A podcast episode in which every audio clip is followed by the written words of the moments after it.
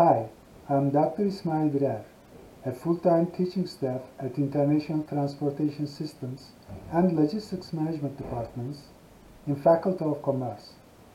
I'm the instructor for ATR 466, which is Procurement and Inventory Management course.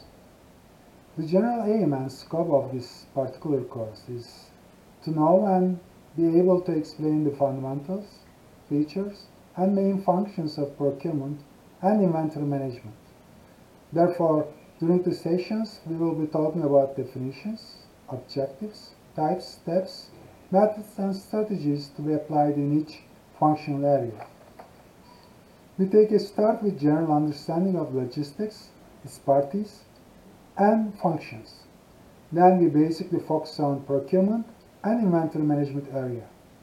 So we concentrate on procurement chain, rights, objectives, goals, types, methods, functions, and features of procurement. Last but not least, we will learn the main idea behind procurement strategy. After done with procurement, we pass on inventory management and focus on forms of demand and inventories, elements of inventory management, economic order quantity models, the order point, and classification of inventories in detail.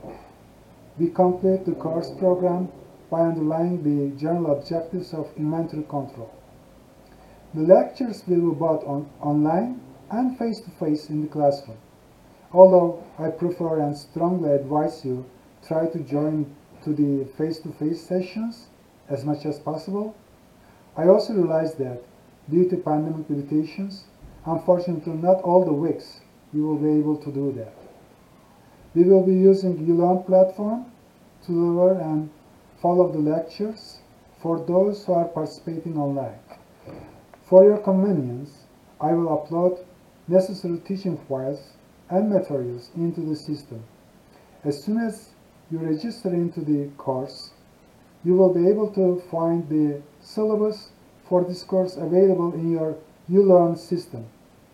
I already wish you a productive, profitable, and enjoyable course period. Hope to see you in my class. Bye.